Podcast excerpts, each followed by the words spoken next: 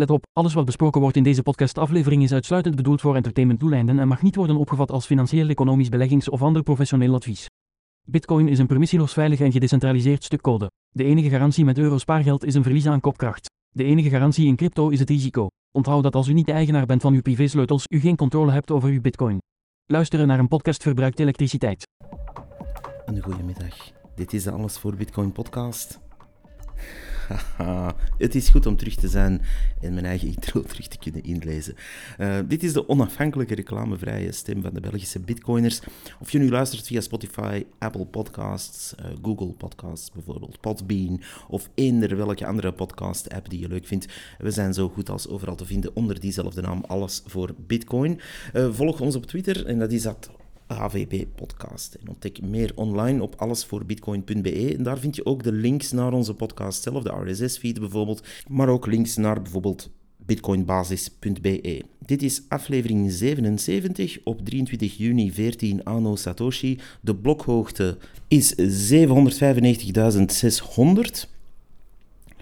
Voor één bitcoin betaalt u 28.621 euro. 31.161 US dollar. En ja, omgerekend van euro in België naar Big Macs is dat 6.221 Big Macs. Dat is veel vet en suiker en zout dat u dan uh, kan verorberen. Maar het is wel een goede graadmeter natuurlijk uh, voor die Big Mac index. Vandaag hebben we een aantal nieuwtjes die we gaan overlopen. Ten eerste wil ik mij uh, alvast excuseren voor de iets mindere frequentie voor de afleveringen.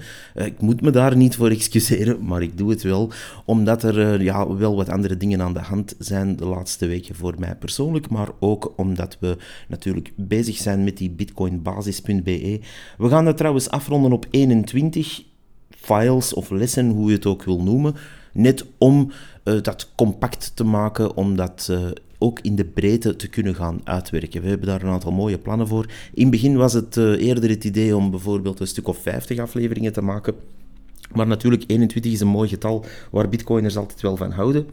Maar dat moet ook genoeg zijn om de basisdingen, want het heet natuurlijk Bitcoin basis voor iets, om die basisdingen te gaan weergeven. Het is ook niet de bedoeling om daar 200 eh, lessen in te steken, want dan ben je natuurlijk geen basisdingen meer aan het uitleggen. Dus we gaan dat wat afronden op 21, maar de setup blijft hetzelfde, uh, in die zin dat we daar uh, ja, aan gaan doorwerken. De, de richtlijnen zijn altijd hetzelfde, de roadmap is lichtjes aangepast, maar dat betekent niet dat we de inhoud gaan laten verwateren. We gaan daar op de achtergrond hard blijven aan werken. Dat kan je natuurlijk vinden op bitcoinbasis.be of via allesvoorbitcoin.be slash bitcoinbasis. U vindt het zeker wel.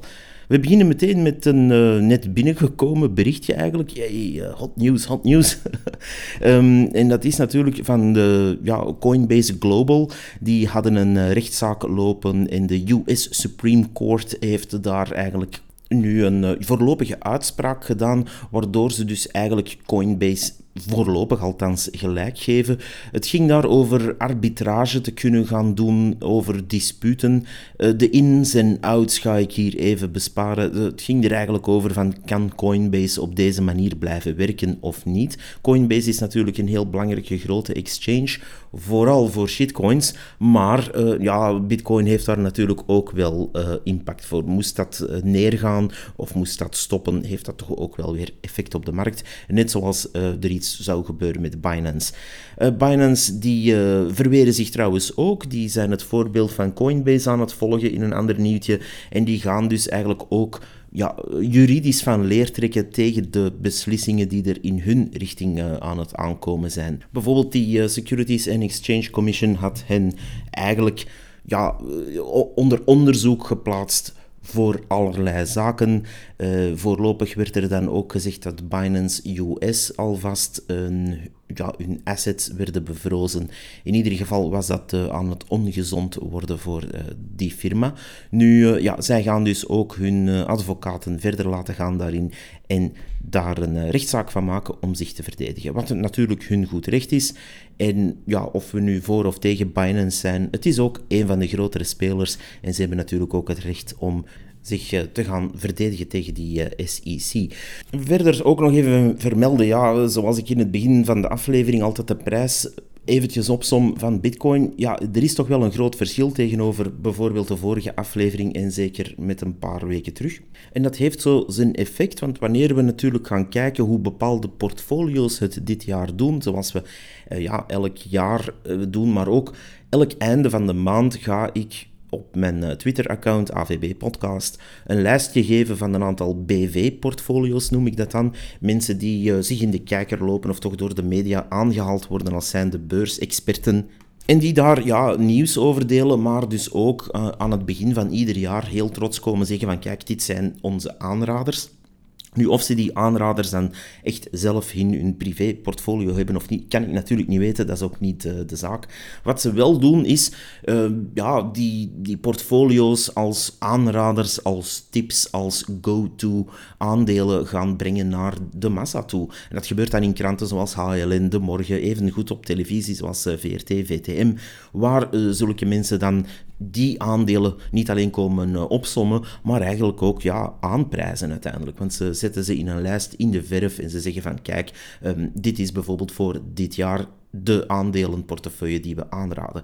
Nu, ja, ik maak daar een sport van al jaren, gewoon uit gezonde interesse, om dat op te volgen en om dat op te schrijven. En ja, de mensen die uh, mijn uh, Twitter-account volgen, die zullen ondertussen wel weten dat we daar uh, elke maand eigenlijk een mooi overzicht van maken in vergelijking met Bitcoin. Dus wanneer je bijvoorbeeld op 1 januari 25.000 euro zou hebben omgezet naar Bitcoin, dan hebt u op die datum 1.6118 Bitcoin. En als u dan de ja, portfolio's van die BV's, eh, zal ik maar zeggen, gaan doen. Want ze, doen, eh, ze, zijn, ze hebben de allures van BV's toch. Uh, dan, ja, dan heb je daar een wire van een aantal aandelen. Nu, het is natuurlijk moeilijk te zeggen in welke verhouding dat die aandelen moeten zijn. gewoonlijk maken ze daar een hele mooie wire van, om dat ook nog eens heel goed gediversifieerd te maken. Dus wat doen wij? We nemen ook een 25.000 euro en we verdelen dat gewoon over hun tips. Als ze vijf tips geven, ja, gaat er 5.000 euro in elke van die aanraders. En dan zien we eigenlijk gemiddeld gesproken, en ik ga, ga, ze hier niet in detail overlopen, daar zijn andere momenten voor om dat eens te doen, maar uh, in het algemeen gesproken staan die nu rond de min 10% te wankelen. Sommige min 25%, sommige min 3%. U, uh, ja, u krijgt het idee al wel snel. Ze staan eigenlijk allemaal in de min. Uh, of zo goed als allemaal. Er zal wel hier of daar een uitzondering zijn uh, van, van iemand die dan ja, net drie aandelen bracht die break-even zijn of uh, kleine winst hebben gemaakt. Maar in ieder geval, wat we dan ook zien in bepaalde, ja, in, in bepaalde beleggingskringen, gaat men dan ook daar ja, portfolio's tegenover elkaar zetten. En ja, wat er daar meestal ontbreekt, is natuurlijk bitcoin. En dan is het heel ja, zielig bijna om te zien dat uh, Bitcoin momenteel year-to-date rond de 77% is uh, gestegen. Dus ja, van 1 januari tot nu. Uh, dat schommelt natuurlijk. Gisteren was dat, of eergisteren was dat 57%, vandaag is dat 77%. ja, Bitcoin schommelt wel eens. Maar ja, als je dat dan gaat vergelijken naar mensen die een wire kopen aan ja, Recticel en AB InBev en ja, een, een, aantal andere van die uh, Bel 20 aandeeltjes, in aandelen moet ik dan zeggen, dan, uh, ja, dan is dat toch wel jammer om te zien dat die vergelijking nooit eens wordt gemaakt. Misschien durft men dat niet aan, of misschien is dat te pijnlijk om te zien, of misschien komt men dan ook weer weg met het excuus van, ach ja, dat is een momentopname, B-post komt er wel weer bovenop. Dus die stijl krijg je dan mee. Um, en dat is een beetje triest eigenlijk, want ik vind dat vooral nogal sneu, omdat ik zelf mensen ken die uiteraard ook niks moeten hebben van bitcoin, niks moeten hebben van risicobeleggingen, zoals, uh, ik zeg maar iets, een Tesla of uh, wat dan ook, voor uh, ja, eh, andere aandelen die iets meer risico uh, inhouden, maar die dan zweren bij de aanraders van, ja, laat het ons maar zeggen, een Paldore bijvoorbeeld. En dat is wel jammer, want die aanraders die komen natuurlijk niet uit de koker van Paldore zelf waarschijnlijk, maar die worden ook weer door anderen aangedragen, uh, weet ik veel wie, om te zeggen van, kijk, ga dit eens aanprijzen. En dat is heel jammer. Banken doen trouwens hetzelfde. Het eerste dat men u daar in de maag splitst wanneer u zegt, hey, kijk, hier is mijn spaargeld, doe er maar iets mee, want ik ken niks van beleggen, ja, dan krijgt u natuurlijk ook uh, een hele wire aan zeer gediversifieerde zaken, waarmee u uh, ja, gemiddeld toch een min 4 tot min 10 procent scoort per jaar bovenop de inflatie. Is dat elk jaar zo? Nee, maar het is toch wel heel, heel, heel frappant aan het worden wanneer we de huidige cijfers even bekijken. En ik ga er toch één cijfertje uitpikken. Bijvoorbeeld de Dieteren Groep, dat is een eh, aandeel dat op 1 januari rond de ja, 179 à 180 euro zweefde. Was een van de aanraders van die Paldoren op VTM op 1 of 2 januari, dacht ik. 2 eh, januari zal het geweest zijn. Year to date, dus tot vandaag. Um, en dan, uh, ja, dan zien we dat het dus rond de 180 is begonnen en nu rond de 157 uh, schommelt euro, uiteraard. En ja, dat is een, eh, een daling year-to-date van 23 procent dat is stevig om op zes maanden tijd te verliezen. Uiteraard, een goede belegger ziet dat dalen of leest dan slecht nieuws en gaat dan waarschijnlijk verkopen als het niet doet wat het wil. Of die houdt het gewoon bij tot er daar eens betere tijden uitkomen, uh, aankomen. Dus dat, dat is allemaal geweten. Ik ga niet zeggen dat die mensen allemaal in het verlies staan eh, voor 23%. Maar goed, het, idee is daar, uh, als u als brave belegger dat vasthoudt, want ja, niet iedereen zit elke dag te kijken naar de cijfers natuurlijk. Maar goed, min 23% en dan vergelijken we dat bijvoorbeeld met de Bitcoin Liquid Index. Dat is eigenlijk uh, ja, zowat de doorsnede van wat er op de Bitcoin-markt gebeurt. Dus dat je niet afhangt van één exchange of de prijzen hier of daar op één stukje. Dus dat is een uh, gemiddelde, zal ik maar zeggen, een Liquid Index. En die, uh, die staat dan momenteel dus op 31.121. En dat is dus een 84,4% winst tegenover die uh, cijfers van 1 januari, die rond de, ja, laat maar zeggen, 16.800 dollar zweefde. Dus dat is wel stevig, ja, dat verschil. Ofwel uh, luister je naar een van die aandelen die worden aangeraden op televisie, dan ziet u min 23% bijvoorbeeld. Ik heb er nu maar eentje uitgepikt die natuurlijk vrij slecht was. Ik wil het een beetje stevig in de verf zetten. Er zijn er ook die maar min 14% gaan bravo. Um, maar ja, aan de andere kant staat er dan iets plus 85% bijna. Dat stemt toch tot nadenken, want ja, waarom ga je investeren uh, ik denk toch niet om een figuurtje op televisie te volgen, of een YouTuber of een TikToker uh, te gaan volgen, maar toch vooral om winst te maken, dacht ik. En dat is, uh, dat is nu net iets waar we hier in deze podcast af en toe onze pijlen op richten vanuit de crypto-space. al die shitcoiners die elke week wel een andere coin gaan aanduiden als zijnde het grote nieuwe spul dat u moet kopen. Maar dan uh, ja, de soep indraaien enkele dagen later al. Maar uiteindelijk gebeurt dat in een vertraagde vorm en op een veel grotere schaal, uh, in een deftigere schaal, uh, via de televisie. Maar de impact is wel nog groter, denk ik. Want zo'n shitcoiner die gaat misschien een paar honderd Belgen ja, in in de zak zetten eigenlijk, uh, door een of andere rommeltoken aan te raden die hij dan uh, op uw hoofd dumpt op de markt. En ja, die mensen die daarin stappen moeten het dan maar zelf weten en dat is dan jammer, maar die verliezen daar heel veel geld aan en dat is ja, niet tof. Maar als je het ziet, ja, uh, wat gebeurt er op een uh, zender als VTM bijvoorbeeld? VRT is even goed in fout daar trouwens. Uh, ja, daar gaat men naar al die kijkers, en dat zijn er toch wel vaak een miljoen of zo, tegelijk zeggen van kijk, koop dit of dat aandeel. Ik heb er hier nu Dieteren maar uitgepikt als random voorbeeld, maar er worden er dus nog anderen aangeraden ook. En ja, dat is niet altijd even gezond, vind ik, de manier dat dat gebeurt. Daar zou men misschien ook eens een disclaimer moeten voorzetten. Daar zou men ook moeten zeggen van kijk, de beurs is zeer risicovol. De Bel 20 heeft de laatste 10 jaar x procent opgebracht gemiddeld. Gewoon om de mensen die daar naar kijken duidelijk te maken van kijk, dit bevat ook risico's. Net zoals men bij de crypto space er best ook voor zit van kijk, elk ding dat u hier gegarandeerd ziet, is natuurlijk het risico. Dus, uh, en dat is ook zo. Uh, we moeten daar niet flauw over doen of u nu aandelen van Tesla, Bpost, of u koopt bitcoin, of u koopt een of andere rommeltoken die wordt aangeraden door iemand met heel funky haar. Dan, ja, u krijgt eigenlijk dezelfde uh, risico's voorgeschoteld, namelijk dat u de toekomst niet kan voorspellen. Wij kunnen dat niet met Bitcoin. Je kan niet weten wat dat morgen gaat staan.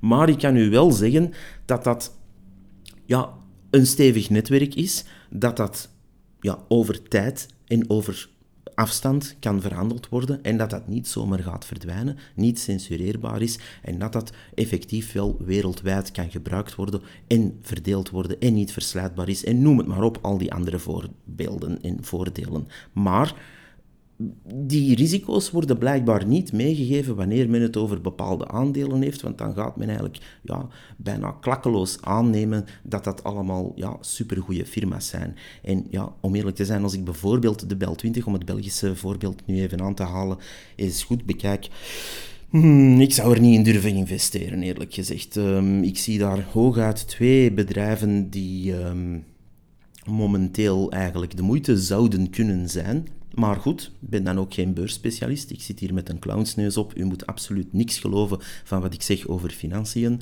Maar uh, zo iemand die dan op televisie komt in een mooi kostuum en dan pretendeert ja, daar van alles over te weten, ja, die zou dan toch enige verantwoordelijkheid mogen nemen om ja, bijvoorbeeld tegen de bevolking uit te leggen van kijk eens beste kijkertjes, eh, ik heb op 1 januari van alles aangeraden en al die dingen zijn gemiddeld 20% gedaald. Sorry daarvoor. Maar ja, dat gebeurt niet, denk ik. Um, goed, we gaan dat onderwerp achter ons laten, want dat is natuurlijk een uh, beating the dead horse binnen de Bitcoin-wereld. Maar uh, ja, voor de mensen die dat nog niet weten, is het soms wel eens nuttig om dat te herhalen. Ik weet dat de gehaaide Bitcoiners dat absoluut al kennen, dat verhaal. We gaan naar het volgende onderwerp, dat zijn de Werchterfrieten. Iets helemaal anders. Vorig jaar zag ik een tweet voorbij komen van een uh, fotograaf, dacht ik, of toch iemand die uh, op Twitter uh, vrij veel volgers heeft. En die, die had daar een fotootje genomen van een, laat ons zeggen, zielig uitziend klein pakje friet. Um, dat ja, over, overgoten werd met een soort van bruine saus. Uh, wat dan stoofvleessaus moest voorstellen, waarschijnlijk. Ik vermoed het dan toch. Um, en daarop was ook eh, van die ja, hele modderige, eh, platte papmayonaise gegoten. Um, ja, zwart. Het zag er niet smakelijk uit, maar goed, je zit dan ook op een festival. En die man die had daar een fotootje van genomen en die zei toen, dat was 3 juli 2022, en die zei, dit is 14 euro op een rokwerchter. En ik heb dat toen opgeschreven als zijnde um, 76.650 sats. Want wanneer dat je toen 14 euro zou hebben omgeruild in plaats van dat frietje te kopen uh, in bitcoin, dan had u dus 76.650 satoshi. En dat is natuurlijk wel tof om bij te houden, want dat blijft dan lekker in uw wallet zitten. U kan het ook uitgeven, maar u kan het ook gewoon bijhouden. En dan zien we dat dat uh, vandaag toch om en bij de ja, 22 euro is. Ja, 21,45 daar straks toen ik het tweette. Ondertussen is het al over de 22 gegaan. Dus ja, dat, uh, dat is toch wel, als je het percentueel bekijkt, een enorm verschil. En dat pakje frieten is al lang ja, buiten de foto dan vergeten. Ik, uh, ik vrees ook dat die man dat niet helemaal zal hebben opgegeten. Maar goed, je zit daar dan met een paar duizend man op zo'n festival. Je betaalt er dik voor om op die camping te staan, om, om in de file te staan of met de trein er naartoe te gaan. En je zit daar dan in de blakke zon en dan mag je een klein pakje frieten gaan halen bij zo'n uitbater die daar dik voor heeft betaald om daar te mogen staan. En dan heb je ja, een beetje eten, een, een heel klein bakje en daar betaal je dan 14 euro voor. Ik ben benieuwd wat de prijzen dit jaar gaan zijn. Waarschijnlijk zal er nog wel eens iemand uh, ja, zo'n foto nemen van een pakje frieten op uh, Werchter. U mag dat altijd uh, tweeten en de hashtag gebruiken, gebruiken Werchterfrieten. Want dan kunnen we dat mooi opvolgen, wat de prijzen zijn van zo'n bakje friet met stoofvlees en mayonaise op Rock Werchter. En dan kunnen we daar ook weer een eh, bitcoinprijs op kleven. Laat ons daar een traditie van maken om zo rond 3 juli elke keer als het Werchter is zo'n uh, foto te nemen. En dan kunnen we mooi tracken, net zoals onze Big Macs, hoeveel euro's er eigenlijk ja, zouden kunnen gered worden naar bitcoin toe. Want ja, wat ga je eigenlijk doen? Je gaat eigenlijk ja, je euro's, je consumer tokens of je permissiejetons achtereen, je gaat die omruilen voor ja, laat ons maar zeggen, middelmatige friet zeker, eh, met een beetje saus erop. En ja, smaakt dat echt op zo'n festival? Ik weet niet. Je hebt weinig andere keuze ook, vermoed ik. Um, ja, ik ga niet meer zo vaak naar dat soort festivals, dus uh, het zal mijn worst wezen. Maar langs de andere kant, uh, ja, je zit daar dan met dat zielig pakje frieten waar je 14 euro voor hebt betaald.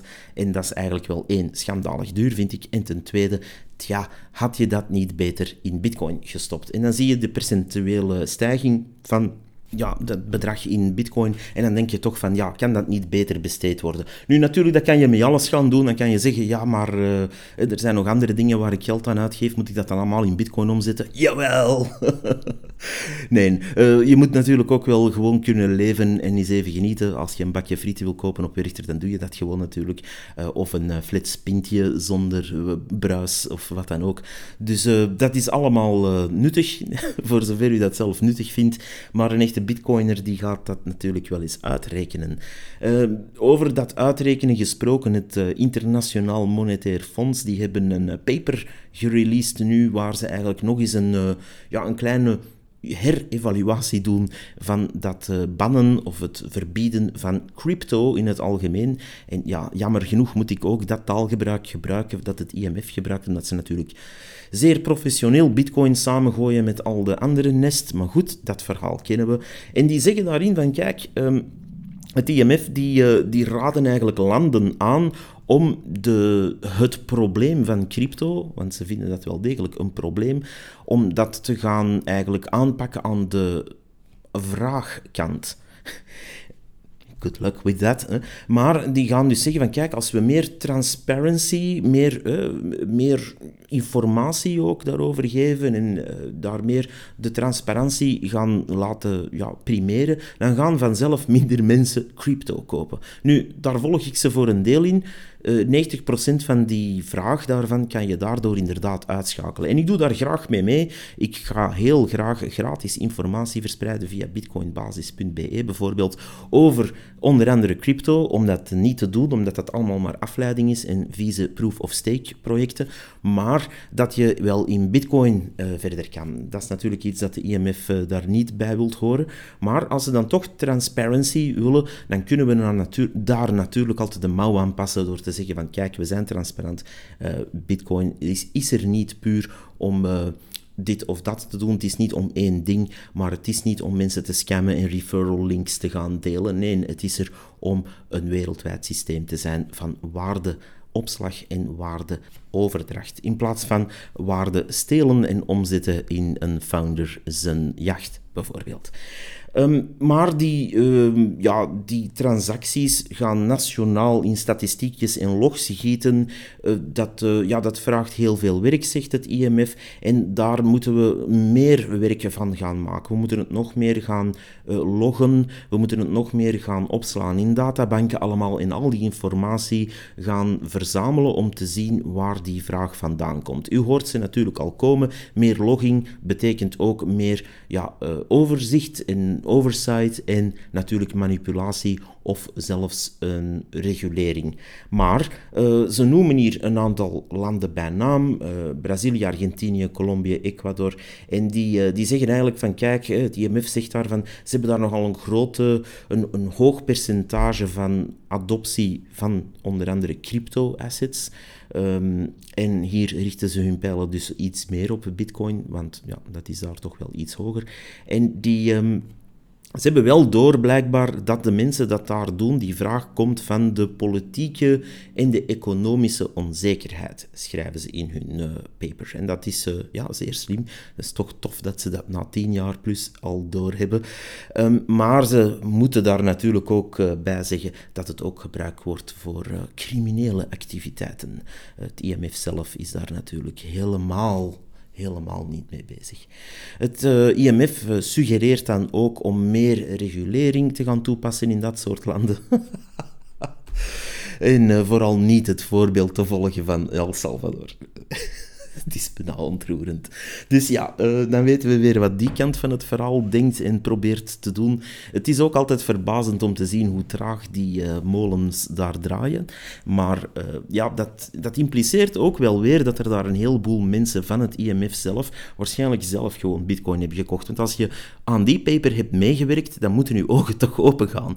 Zo van, nou kijk, er zijn hier heel veel landen in Zuid-Amerika die in hun uh, economische situatie vanzelf voor bitcoin kiezen. Hmm. maar goed, uh, misschien zijn ze daar zo slim niet en hebben ze dat niet door. Maar uh, ja, En ik wil daar nog één ding aan toevoegen en dan ga ik afsluiten. Ik probeer mijn afleveringen vanaf nu rond de 30 minuten af te sluiten. Um, ik wil ook nog iets uh, zeggen, eigenlijk ja, niet persoonlijk, maar ge gewoon in het algemeen. In die zin, ik zie opnieuw dat er heel veel drive is overal. We hebben die prachtige Bitcoin-praag gehad. Ik mis het al en ik was er niet eens. Dus de mensen die er waren, die uh, vonden het allemaal fantastisch in ieder geval. Dus dat is cool om te zien dat er ja, conferenties zijn die niet vol met shitcoiners en shady figuren zitten, maar gewoon waar bitcoiners samenkomen en waar dan ook uh, ja, online de nodige conferentiematerialen worden gedeeld en waar je die kan lezen. Ik ben trouwens nog altijd aan het wachten op die Blockchain for Belgium, uh, tot die hun speechjes eens even gaan delen, maar blijkbaar draait de molen daar traag. Maar goed, um, maar los daarvan uh, zien we ook die lokale meetups uh, verder gaan. En dat is knap om te zien. Ik, uh, ik was deze week ook getuige van een voorstelling van de House of Satoshi, of um, de, de, de, mensen ja, uit, de, uit de richting van Nederland en um, Arnhem vooral. En die, uh, ja, die zijn ook met leuke dingen bezig daar. En dat zijn toch allemaal initiatieven die ook eens in België wat uh, ja, navolging mogen krijgen. Want we, we hinken nog altijd achterop.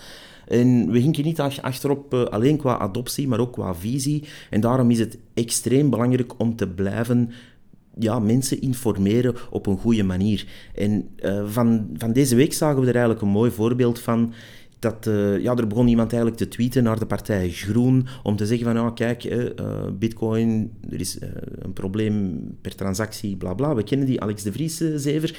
en dat is natuurlijk een, ja, een vals verhaal, een valse narrative. En we zijn er met een paar mensen eigenlijk op beginnen reageren. En dan is het heel, heel knap en ja, echt, echt tof om te zien dat zo iemand die daar dan die vraag stelt, een beetje sarcastisch natuurlijk, want het was niet iemand die pro-groen was uiteindelijk, maar die als partij dan bedoel ik.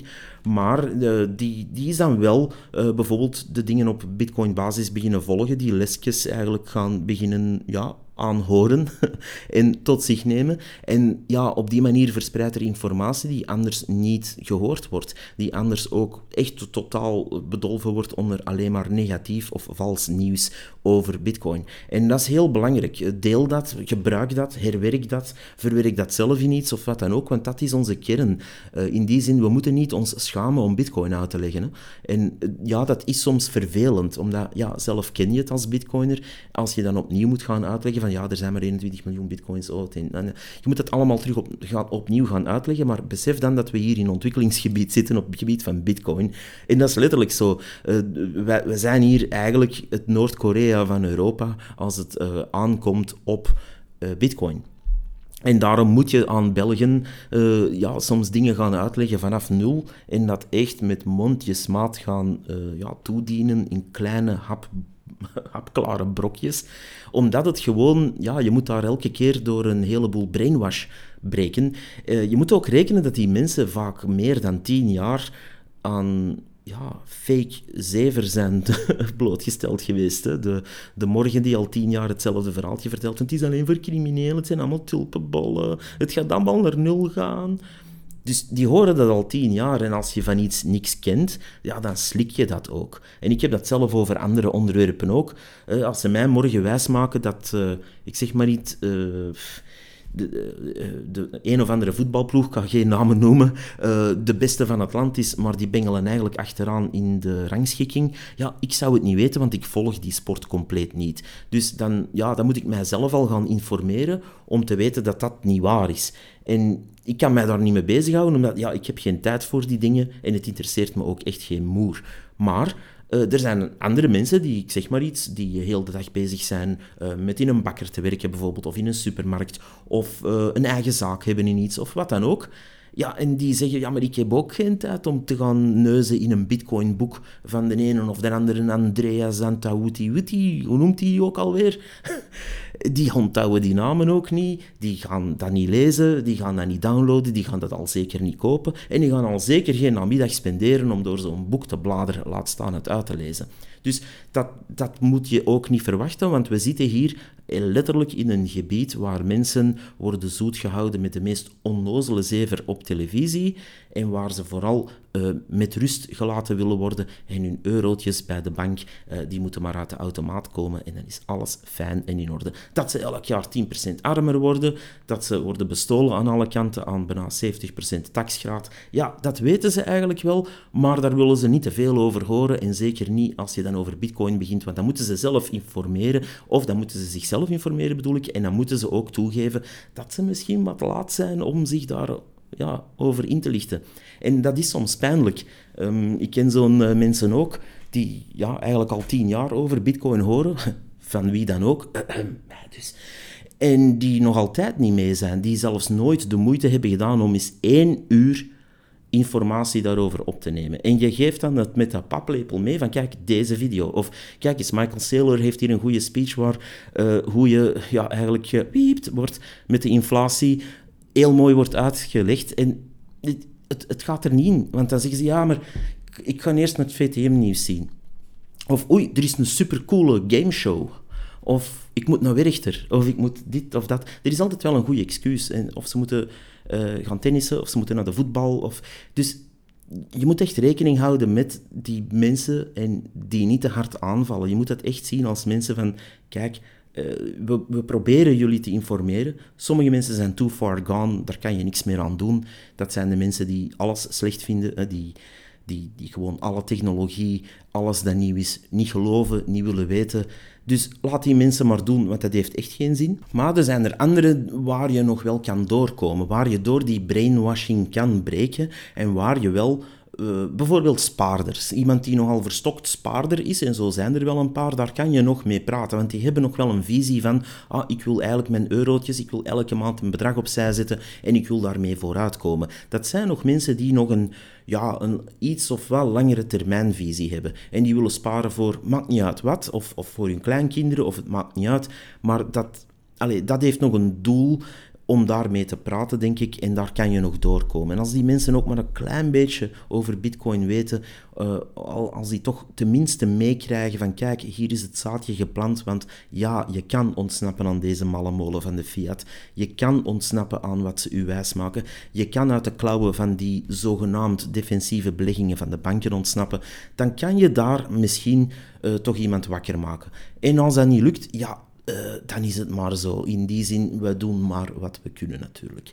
Nog één ding dat ik eventjes wil vermelden aan al de mensen die, wat ik dan fiat mining uh, doen. Uh, ja, fiat mining wil eigenlijk gaan zeggen, je, je gaat elke dag gewoon werken en je verdient daar eurotjes mee.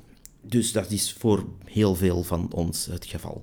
Uh, wie denkt dat elke bitcoiner hier in België met Lamborghinis uh, rond zit te racen en uh, een buitenverblijf heeft in Cannes en in Dubai?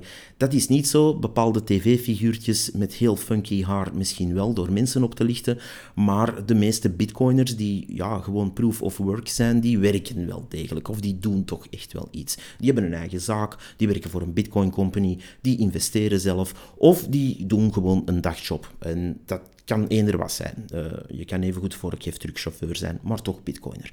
En dat, dat sterkt hen. Ik wil daar iets over zeggen. In die zin, het is harder om bitcoiner te zijn dan gewone loonslaaf. In die zin, een gewone loonslaaf die in het euro-fiat-systeem gelooft en die heel dit bestel, zal ik maar zeggen, oké vindt, die heeft eigenlijk minder last. Ik zeg niet dat die mensen geen zorgen hebben, dat is iets anders. Maar die heeft monetair gezien een, een, een, een zorg minder dan een bitcoiner. Omdat een bitcoiner continu met het idee zit van... ik, ik weet dat het beter kan. Ik weet dat er iets beter is. Maar de wereld rondom mij ziet het niet. Uh, het bedrijf of de organisatie of wat dan ook waar ik werk ziet het ook niet, of mijn klanten of wat dan ook. Dus je hebt daar eigenlijk een, een minderheidssyndroom, zal ik maar zeggen, waar je eigenlijk bijna een, een monetaire masochist wordt, waar je jezelf pijn doet door bitcoiner te zijn en te willen zijn. Maar aan de andere kant weten wij hoe ja, perfect geld eruit ziet. We zien dat voor onze neus, dat is bitcoin. Je kan dat dus niet meer loslaten, dat virus als je het zo wil noemen, of die ziekte, of dat masochisme. Maar dat is wel hard, want er zijn dan mensen die ja, op hun job verschijnen en wel moeten slikken dat die wereld nog altijd anders draait. En ik vergelijk dat altijd met ja, iemand die echt wel in vrije markt gelooft, maar jammer genoeg geboren werd in uh, het regime van Stalin onder de Sovjet-Unie. Ja, je kan wel weten dat het beter kan en dat er iets, uh, een ander systeem is waar je niet moet gaan aanschuiven om uh, bloem te mogen kopen als er al bloem is tegen dat het dan nu is. Maar uh, ja, je leeft in de omgeving dat je leeft. En een bitcoiner heeft een beetje hetzelfde. Denk daar maar eens over na. In die zin, wanneer je nog eens iemand bezig wordt van oh, die bitcoiners die hebben het allemaal gemakkelijk, die zitten met een berg geld, die rijden Lamborghinis rond. ja, niet allemaal. Er zijn er uiteraard. Maar de, het, het ding is, de meesten gaan gewoon werken, doen iets nuttigs in de maatschappij, omdat wij doorhebben dat een maatschappij anders in elkaar zit dan proof of stakeism, waar je op je luie krent zit en waar je gewoon wacht tot ja, de gemeenschap en waar je door iets te hebben meer krijgt, door er niks voor te doen. En dat is... Um, dat is een andere visie. Ik deel eigenlijk, sinds ik bitcoiner ben, meer en meer de wereld op. Niet tussen links of rechts, politiek gezien, want dat, dat is al heel lang niet meer relevant, vind ik dan toch. Maar eerder tussen proof of stake of proof of work. En dat heb je in allerlei geledingen eigenlijk. In die zin, um, een, een proof of work iemand kan evengoed pro de natuur zijn en effectief bomen gaan planten. Of effectief een tuintje onderhouden ergens. Of uh, zelf wasmiddel maken met natuurlijke producten. Een proof of stake iemand kan evengoed uh, iemand zijn die drie huizen verhuurt die in zeer slechte staat zijn, elke dag in de McDonald's gaat eten en in een 4x4 rondrijdt ik stel het weer heel extreem om iets duidelijk te maken natuurlijk. In die zin, je kan de wereld moeilijk opdelen in oh, dat is een linkse en dat is een rechtse.